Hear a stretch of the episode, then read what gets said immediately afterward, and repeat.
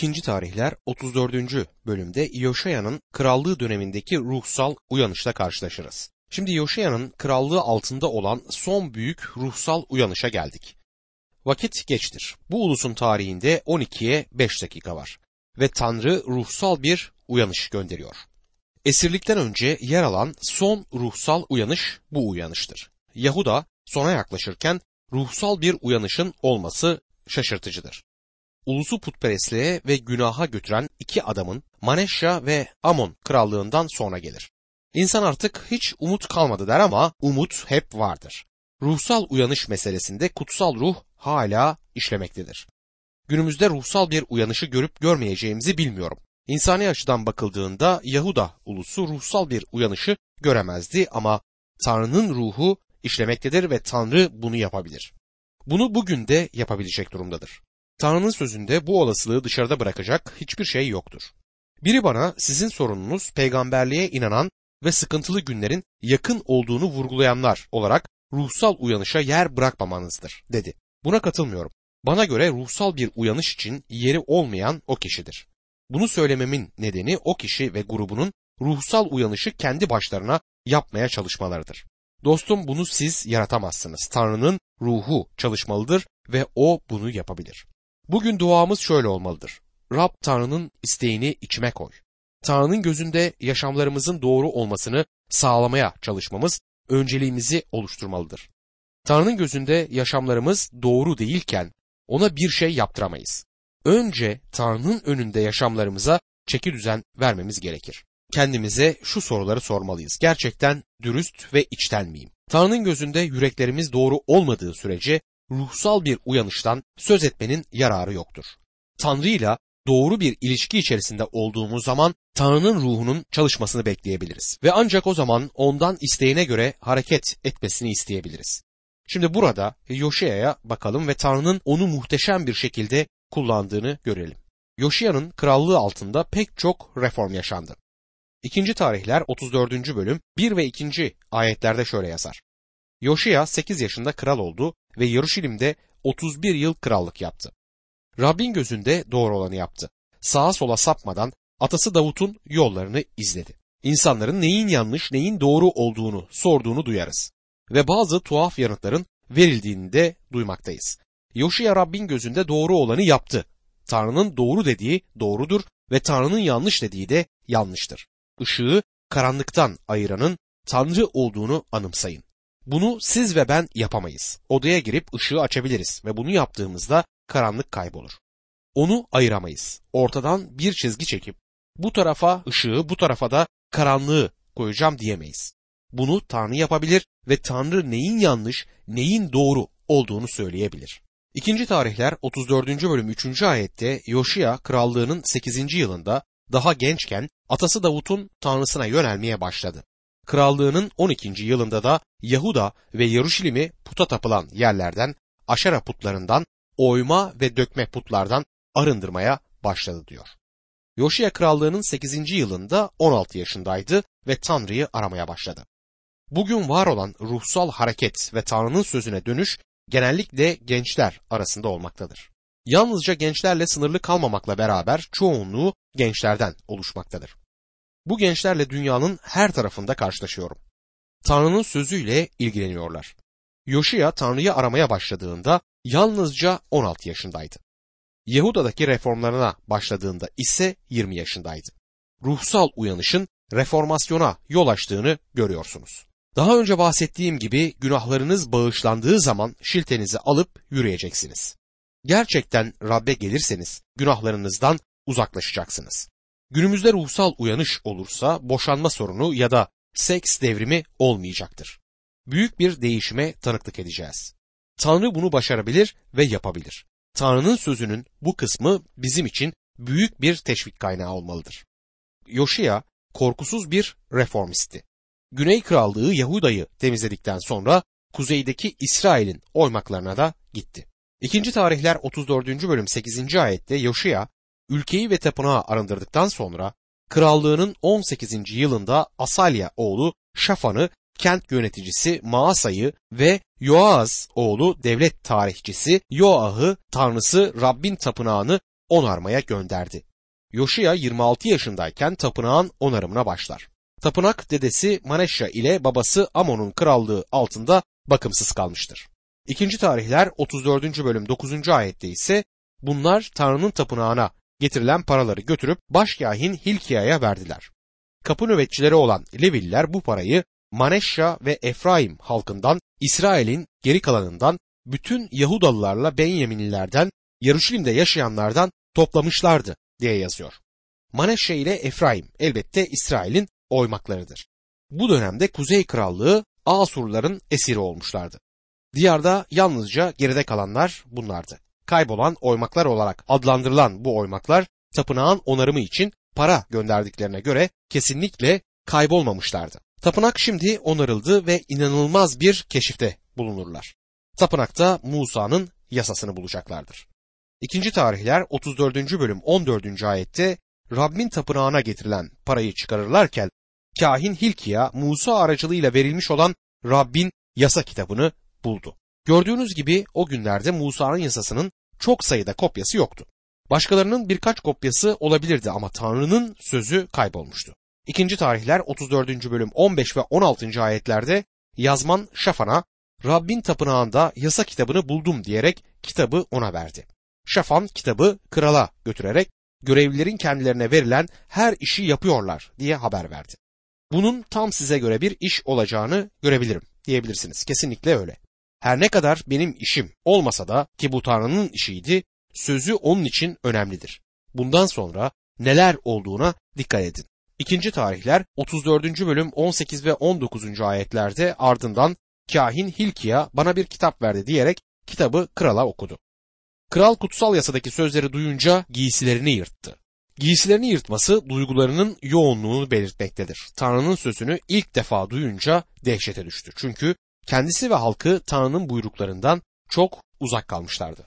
İkinci tarihler 34. bölüm 20 ve 21. ayetlerde Hilkia'ya, Şafan oğlu Ahikam'a, Mika oğlu Avdon'a, Yazman Şafan'a ve kendi özel görevlisi Asaya'ya şöyle buyurdu. Gidin bulunan bu kitabın sözleri hakkında benim için de İsrail ve Yahuda halkının geri kalanı içinde Rabbe danışın. Rabbin bize karşı alevlenen öfkesi büyüktür. Çünkü atalarımız Rabbin sözüne kulak asmadılar. Bu kitapta yazılanlara uymadılar diyor. Tanrı'nın sözüne dönüş ruhsal uyanışı beraberinde getirir. Başka hiçbir şey ruhsal bir uyanışı getirmez. O zaman günümüzde yanlış olan nedir? Neden ruhsal bir uyanış görmüyoruz? Nedeni basittir. Kilise Tanrı'nın sözünü ihmal eder durumdadır. Kiliseler her tür cazibeyi ve her tür yöntemi denedi. Hiçbir şey olmuyor. Ruhsal uyanış bu şekilde gelmez. Ruhsal uyanış insanlar Tanrı'nın sözüne döndüklerinde Tanrı'nın ne söylediğini öğrendikleri zaman gelir. Yoşiya sarsılır ve Tanrı'nın ne yapacağını öğrenmek ister. İkinci tarihler 34. bölüm 22 ve 23. ayetlerde Hilkiya ile kralın gönderdiği adamlar varıp tapınaktaki giysilerin nöbetçisi Hasra oğlu Tokhat oğlu Şallum'un karısı peygamber Hulda'ya danıştılar. Hulda Yaruşilim'de ikinci mahallede oturuyordu. Hulda onlara şöyle dedi. İsrail'in tanrısı Rab sizi bana gönderen adama şunları söyleyin diyor. Bu tanrının Yoşiya'ya gönderdiği mesajdır.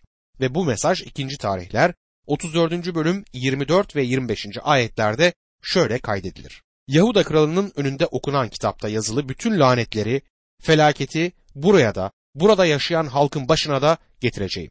Beni terk ettikleri, elleriyle yaptıkları başka ilahlara buhur yakıp beni kızdırdıkları için buraya karşı öfkem alevlenecek ve sönmeyecek. Tanrı vaat etmiş olduğu gibi yargıyı gönderecektir. Ancak Yoşiya'ya kişisel bir mesajı vardır. İkinci tarihler 34. bölüm 26 ila 28. ayetler arasında şöyle yazar. Rabbe danışmak için sizi gönderen Yahuda kralına şöyle deyin. İsrail'in tanrısı Rab duyduğun sözlere ilişkin diyor ki, madem burası ve burada yaşayanlarla ilgili sözlerimi duyunca yüreğin yumuşadı, kendini alçalttın, evet önümde kendini alçalttın, giysilerini yırtıp huzurumda ağladın, ben de yalvarışını işittim. Böyle diyor Rab, seni atalarına kavuşturacağım. Esenlik içinde mezarına gömüleceksin. Buraya ve burada yaşayanlara getireceğim büyük felaketi görmeyeceksin. Hilkiya ile yanındakiler bu sözleri krala ilettiler. Tanrı bu insanları yargılamaya niyetlidir ama bunu Yoşiya gidene kadar yapmayacaktır. İkinci tarihler 34. bölüm 29 ila 31. ayetler arasında Kral Yoşiya haber gönderip Yahuda ve Yaruşilim'in bütün ileri gelenlerini topladı. Sonra Yahudalılar, Yaruşilim'de yaşayanlar, kahinler, Leviller, büyük küçük herkesle birlikte Rabbin tapınağına çıktı. Rabbin tapınağında bulunmuş olan antlaşma kitabını baştan sona kadar herkesin duyacağı biçimde okudu. Özel yerinde durarak Rabbin yolunu izleyeceğine, buyruklarını, öğütlerini, kurallarını candan ve yürekten uygulayacağına, bu kitapta yazılı antlaşmanın koşullarını yerine getireceğine ilişkin Rabbin huzurunda antlaşma yaptı. Dostum içten olalım ve hemen konuya girelim. Bugün ruhsal bir uyanışa sahip olabileceğimize inanıyorum ama önce Tanrı'nın ne yapmamızı istediğini öğrenmek için Tanrı'nın sözüne bir dönüş olmalıdır. Sonra Tanrı'ya tam bir bağlılığımızın olacağına ve olması gerektiğine inanıyorum. Gördüğümüz yarım ağızla yapılan hizmetlerle bu olmaz. Dünyayı ve Tanrı'yı idare etmeye çalışarak bu olmaz. İkisini birden yapmak olanaksızdır. Tanrı'ya tamamen bağlı bir yürekle yaşamamız gerekir. Bu olduğu zaman Tanrı'nın ruhu hareket etmekte serbest olacaktır. 35. bölümde yapılan Fısıh Bayramı'nın kaydını okuruz. Bu onun kuşağı için yeni bir deneyimdi. Yoşiya'nın Musa'nın kitabında yazılı olan prosedürü dikkatle yerine getirişini izlemekte oldukça ilginçtir. İkinci tarihler 35. bölüm 16 ila 19. ayetler arasında böylece o gün Kral Yoşiya'nın buyruğu doğrultusunda Fısıh bayramını kutlamak ve Rabbin sunağı üzerinde yakmalık sunular sunmak için Rabbin hizmetiyle ilgili bütün çalışmalar tamamlandı. O gün orada bulunan İsrail halkı Fısıh bayramını kutladı. Mayasız ekmek bayramını da yedi gün boyunca kutladılar. Peygamber Samuel'in döneminden bu yana İsrail'de böyle bir fısıh bayramı kutlanmamıştı. Hiçbir İsrail kralı da Yoşiya'nın, kahinlerin, Levillerin, bütün Yahuda halkıyla oradaki İsraillerin ve Yarışilim'de yaşayanların kutladığı gibi bir fısıh bayramı kutlamamıştı. Bu fısıh bayramı Yoşiya'nın krallığının 18. yılında kutlandı diye yazıyor. Fısıh Mesih'in ölümünün sembolüdür. Ulus günahların bedelinin ödenmesi gerektiğini anlamıştı. Gördüğünüz gibi Musa'nın yasasını keşfetmiş oldukları için fısıh hakkında bilgi sahibi olmuşlardı. Bu çok büyük bir olaydır. Tanrı, Peygamber Samuel'in günlerinden beri İsrail'de böyle bir fısıh olmadı diyor. Yoşiya Tanrı'nın sözüne yapılan bu büyük dönüşten sorumlu olan adamdır. Şimdi bu adamın ölümüne geldik. Onun gibi Tanrı'ya bağlı insanlar bile hatalar yapıyor. Aslında bütün insanlar hata yapar. İkinci tarihler 35. bölüm 20 ve 21. ayetlerde Yoşiya'nın tapınağı düzenlemesinden sonra Mısır kralı Neko savaşmak üzere Fırat kıyısındaki Karkamış'a yürüdü. Yoşiya da onunla savaşmak için yola çıktı. Ama Neko ulaklar aracılığıyla şu haberi gönderdi. Benimle senin aranda bir anlaşmazlık yok. Ey Yahuda kralı! Bugün sana değil, savaş açtığım ülkeye karşı savaşmaya geldim. Tanrı ivedi davranmamı buyurdu. Benden yana olan Tanrı'dan sakın, yoksa seni yok eder, diyor. Yoşiya evde kalmalıydı. Bu savaşa girmesinin bir anlamı yoktu. Ne var ki Yoşiya onunla savaşmaktan vazgeçmediği gibi Tanrı'nın Neko aracılığıyla söylediği sözlere de aldırış etmedi. Kılık değiştirip Megiddo ovasında Neko ile savaşmak üzere yola çıktı diyor. 2. tarihler 35. bölüm 22. ayet. Savaşın dışında kalmayı reddediyor. Şimdi olanlara dikkat edin. 2. tarihler 35. bölüm 23 ila 25. ayetler arasında okçular kral Yoşiya'yı vurunca kral görevlerine beni buradan götürün ağır yaralıyım dedi. Görevlileri onu savaş arabasından çıkarıp kendisine ait başka bir arabaya koyarak Yarışilim'e götürdüler. Yoşiya öldü ve atalarının mezarlığına gömüldü. Bütün Yahuda ve Yaruşilim halkı onun için yas tuttu. Yeremya, Yoşiya için bir ağıt yazdı. Kadın erkek bütün ozanlar bugüne dek ağıtlarında Yoşiya'yı anarlar. İsrail'de bir gelenek haline gelen bu ağıtlar ağıtlar kitabında yazılıdır diyor. Yoşiya iyi ve büyük bir kraldır. Muhteşem bir ruhsal uyanışı ve Tanrı'ya yapılan büyük bir dönüşü yönlendirdi. Ama ölümü ruhsal uyanışı sonlandırır. Şimdi Tanrı'nın yargısı Güney Krallığı Yahuda'nın üzerine gelecektir. İkinci tarihler 36. bölümde Yahuda'nın esir olduğunu görüyoruz. Güney Krallığı Yahuda'nın günleri sayılıydı. Ulusun son iyi kralı Yoşiya'ydı, o da öldü. Onun ölümünden sonra gelen kralların hepsi kötüydü. İyi olan tek bir kral bile çıkmadı. kötü krallıkları Tanrı'nın Yahuda krallığını yargılamasını hızlandırdı. Tanrı'ya karşı olan tutumları ve ulusun yok oluşunu oluşturan esas olaylar kısaca anlatılır. İlk olarak Yehoaz'ın krallığını görürüz. İkinci tarihler 36. bölüm 1 ila 4. ayetler arasında Yahuda halkı babası Yoşiya'nın yerine oğlu Yehoaz'ı Yaruşilim'e kral yaptı. Yehoaz 23 yaşında kral oldu ve Yaruşilim'de 3 ay krallık yaptı. Mısır kralı Neko Yaruşilim'de onu tahttan indirerek ülke halkını 100 talant gümüş ve 1 talant altın ödemekle yükümlü kıldı. Yehoaz'ın ağabeyiElyakim'i de Yahuda ile Yaruşilim kralı yaptı ve adını değiştirip Yehoyakim koydu. Sonra kardeşi Yehoaz'ı alıp Mısır'a döndü diyor. Yoşiya'nın oğlu Mısır kralı tarafından tahttan indirildi. Yaramaz bir adamdı ve tahta yalnızca 3 ay kaldı. Şimdi her şey Yehoyakim'in krallığı döneminde hızlanmaya başlayacaktır. İkinci tarihler 36. bölüm 5 ila 7. ayetler arasında Yehoyakim 25 yaşında kral oldu ve Yaruşilim'de 11 yıl krallık yaptı. Tanrısı Rabbin gözünde kötü olanı yaptı. Yehoyakim'e saldıran Babil kralı Nebukadnezer Babil'e götürmek için onu tunç zincirlerle bağladı. Rabbin tapınağındaki bazı eşyaları da alıp Babil'de kendi tapınağına yerleştirdi. Onun krallığı sırasında Babil kralı ona karşı savaştı. Yehoyakin tahta çok kalmadı. Daha koltuğunu bile ısıtmamıştı. Ve daha sonra Sitkiya'nın kral olduğunu görüyoruz. Sitkiya Yahuda'nın son kralıdır. İkinci tarihler 36. bölüm 11 ila 14. ayetler arasında Sitkiya 21 yaşında kral oldu ve Yarışilim'de 11 yıl krallık yaptı. Tanrısı Rabbin gözünde kötü olanı yaptı. Rabbin sözünü bildiren peygamber Yeremya'nın karşısında alçak gönüllü davranmadı. Sitkiya Tanrı adıyla kendisine bağlı kalacağına ant içiren Kral Nebukadnezar'a karşı ayaklandı. İsrail'in tanrısı Rab'be dönmemek için direnerek inat etti. Üstelik kahinlerin ve halkın önderleri de öteki ulusların iğrenç törelerine uyarak ihanetlerini gitgide artırdılar ve Rabbin Yaruşilim'de kutsal kıldığı tapınağını kirlettiler. Ve işte tüm bunlardan sonra esirlik dönemi başlar. Nebukadnezar şimdi kapıyı çalmanın ötesine geçer, duvarları yıkar, Yeruşalim'i yakar yıkar ve Yahuda'yı da esir alır. Burada Tanrı'nın açıklamasını okuruz. İkinci tarihler 36. bölüm 15 ila 20. ayetler arasında Tanrı'nın açıklaması şöyle der. Atalarının Tanrısı Rab halkına ve konutuna acıdığı için onları ulakları aracılığıyla defalarca uyardı. Ama onlar Tanrı'nın ulaklarıyla alay ederek sözlerini küçümsediler. Peygamberlerini aşağıladılar. Sonunda Rabbin halkına karşı öfkesi kurtuluş yolu bırakmayacak kadar alevlendi. Rab Kildan kralını onların üzerine saldırttı. Kildani ordusu gençlerini tapınakta kılıçtan geçirdi. Ne delikanlıya, ne genç kıza, ne yaşlıya, ne aksaçlıya acıdı. Rab hepsini Kildan kralının eline teslim etti.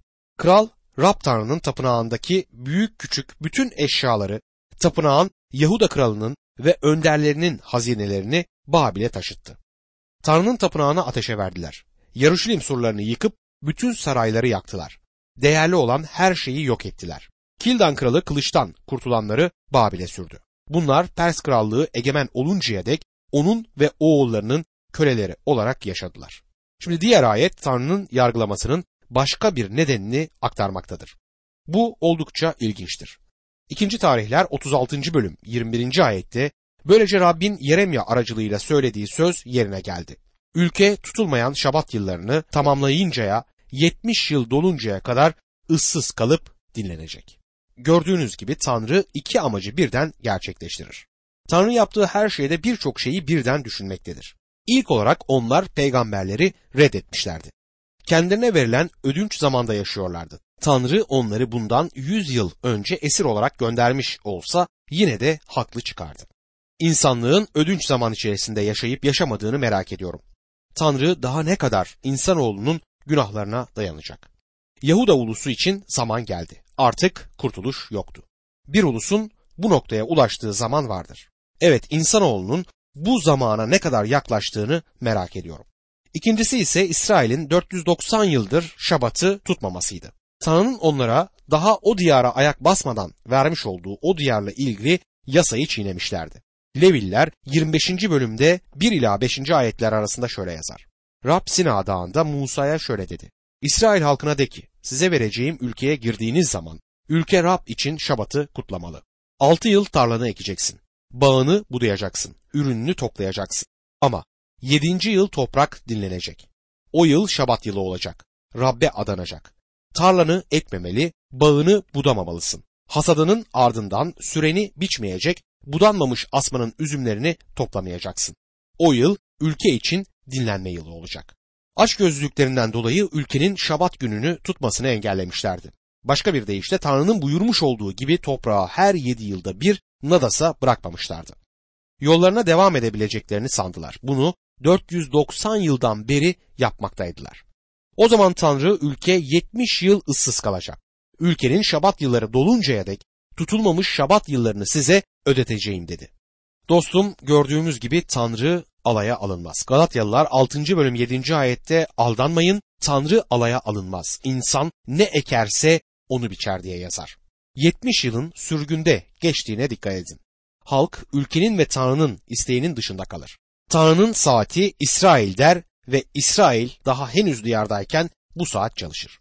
Bu kitapta ulusun genel bir sapması olmasına karşın ruhsal uyanışın yenilenmesinin ve reformların olduğu beş dönemi gördük. Her dönemi belirleyen ilginç bir özellik vardır. İlk dönem Asa dönemidir. Tanrı'nın sözüne dönüş ve itaat bu dönemde görünmektedir. İkinci dönem Yehoşafat'ın dönemidir ki Tanrı'nın sözüne dönüş ve itaat yine burada görülür. Yoaş döneminde Tanrı'nın sözüne dönüş ve itaat görülürken Hiskia'nın döneminde Tanrı'nın sözüne dönüş ve itaat yine görülmektedir. Ve son olarak Yoşia Tanrı'nın sözüne dönüş ve itaatin görüldüğü bir dönem olarak yerini alır. Her durumda Tanrı'nın sözüne dönüş halkın tövbe etmesine ve ulusun geçici bir reform dönemini yaşamasına neden olur. İkinci tarihler gelecek umuduyla son bulur. İkinci tarihler 36. bölüm 22 ve 23. ayetlerde Pers kralı Koreş'in krallığının birinci yılında Rab Yeremya aracılığıyla bildirdiği sözü yerine getirmek amacıyla Pers kralı Koreş'i harekete geçirdi. Koreş yönetimi altındaki bütün halklara şu yazılı bildiriyi duyurdu. Pers kralı Koreş şöyle diyor. Göklerin tanrısı Rab yeryüzünün bütün krallıklarını bana verdi. Beni Yahuda'daki Yaruşilim kentinde kendisi için bir tapınak yapmakla görevlendirdi. Aranızda onun halkından kim varsa oraya gitsin. Tanrısı Rab onunla olsun diyor.